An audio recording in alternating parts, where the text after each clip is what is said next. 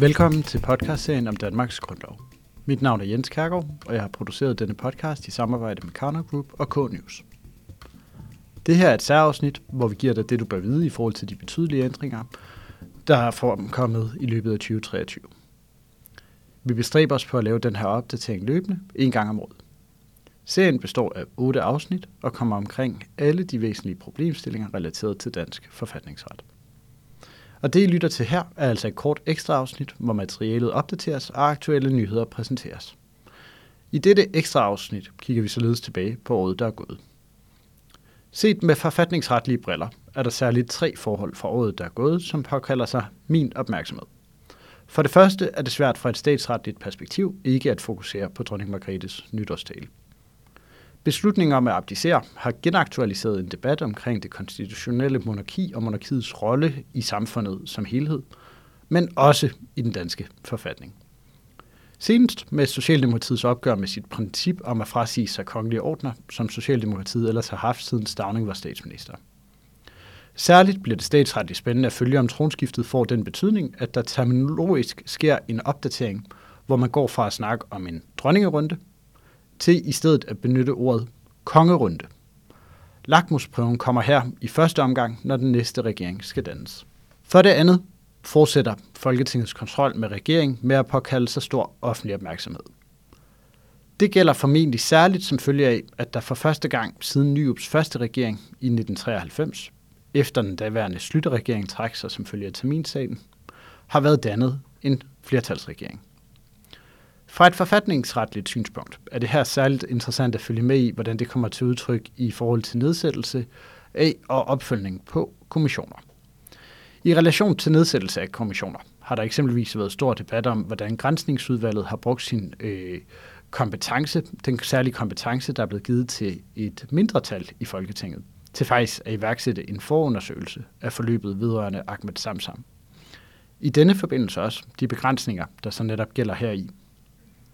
Videre har formuleringen i kommissoriet for undersøgelseskommissionen om Forsvarets efterretningstjeneste også påkaldt sig stor opmærksomhed, herunder særligt den afgrænsning, som formuleringen af kommissoriet indebærer. Herudover er der så senere blevet rejst debat af, om øh, undersøgelseskommissionen om Forsvarets efterretningstjeneste har fået fastsat sin deadline i 2026, altså på et tidspunkt, hvor forældelsesfristen for ministeransvar udløbet. På tidspunktet for optagelsen af den her podcast, så arbejdes der stadig på at finde en politisk løsning på det her spørgsmål.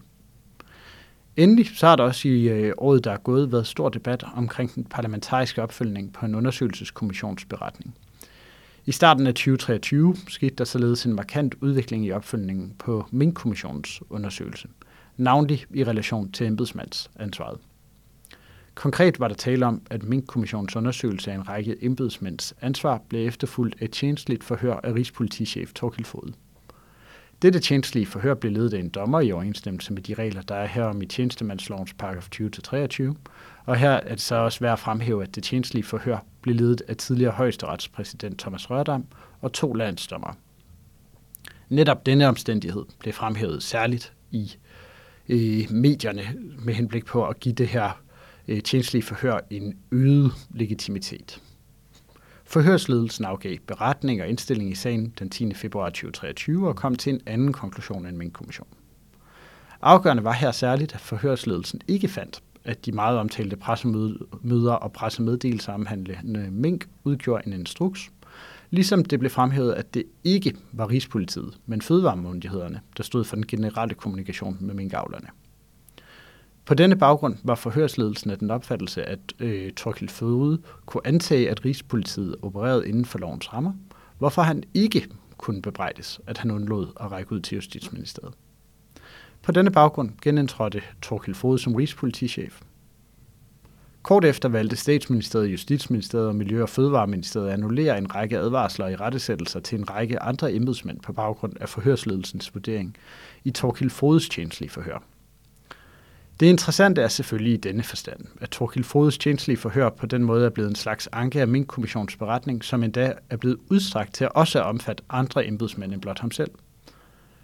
Dette til trods for, at der i de øvrige sager kan have været andre hensyn og andre faktuelle forhold, der har gjort sig gældende.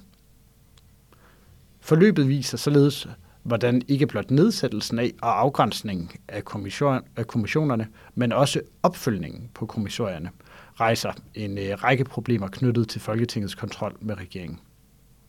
Således er der tale om et af de helt centrale værktøjer i Folketingets kontrol med regeringen, men modsat er regeringen som ansættelsesmyndighed også ansvarlig for i sidste ende at beslutte, hvilke konsekvenser der så i givet fald skal drages over for eksempelvis den enkelte embedsmand. Som det tredje og sidste er der blevet afsagt en meget relevant højesteretsdom. En dom, der følger op på en sag, som tidligere omtalt i øh, podcasten omkring flagning med det amerikanske flag. Dommen blev afsagt den 22. juni 2023, og højesteret fastslog her, at der ikke var den nødvendige hjemmel til at forbyde en borger at flage med det amerikanske flag. Landsretten var nået til et andet resultat, og sagen har en vis principiel rækkevidde, da den omhandler, hvilke hjemmelskrav der er påkrævet for, at der kan gøres indgreb i borgernes rettigheder.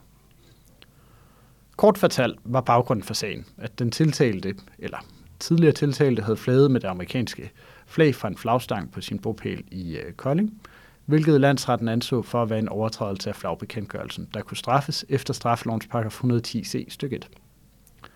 Altså var der Vestre Landsret af den opfattelse, at det udgjorde en overtrædelse af straffelovens paragraf 110c at flage med USA's nationalflag Stars and Stripes i sin have, der kunne straffes i henhold til flagbekendtgørelsen. Lyttere af podcasten vil måske kunne huske, at Vesterlandsrets afgørelse blev gennemgået i tredje episode af podcasten.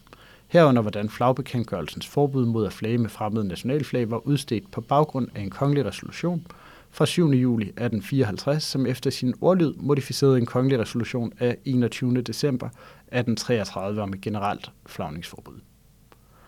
Spørgsmålet var således som denne hjemmelskæde, der netop beroede på en kongelig resolution udstedt under enevælden og sædvanlige retlige betragtninger, var stærk nok til at kunne danne grundlag for et indgreb i en borgers rettigheder. Vestre Landsret sagde som bekendt ja, men højesteret mente modsat, at der i dag stilles højere krav for at kunne foretage et indgreb af den pågældende karakter i borgernes rettigheder. Den tiltalte blev derfor frifundet. Dermed bekræfter højesteret også den udlægning af retstilstanden, som forfatterne til Dansk Statsret har forfægtet i lærebogen. Således fremgår det af lærebogen, at der findes et meget begrænset område, hvor regeringen kan udstede anordninger umiddelbart med hjemmel i grundlovens paragraf 3 andet punktum, men denne adgang retter, rækker blot ikke til at kunne gribe ind i borgernes retsforhold, hvilket også indebærer, at regler udstedt på baggrund af den selvstændige anordningsmyndighed ikke kan håndhæves strafferetligt. Forfatternes opfattelse er således blevet bekræftet med højesteretsafgørelse. Med det er vi færdige med dette særskilte opdateringsafsnit for 2023 i podcastserien om Danmarks Grundlov. Mit navn er Jens Kærgaard, og jeg har produceret denne podcast i samarbejde med Karno Group og K-News. Vi vil meget gerne høre jeres kommentarer og bemærkninger til afsnittet, samt til formatet med podcastserien generelt. Disse kan I sende til e-mailen jensbek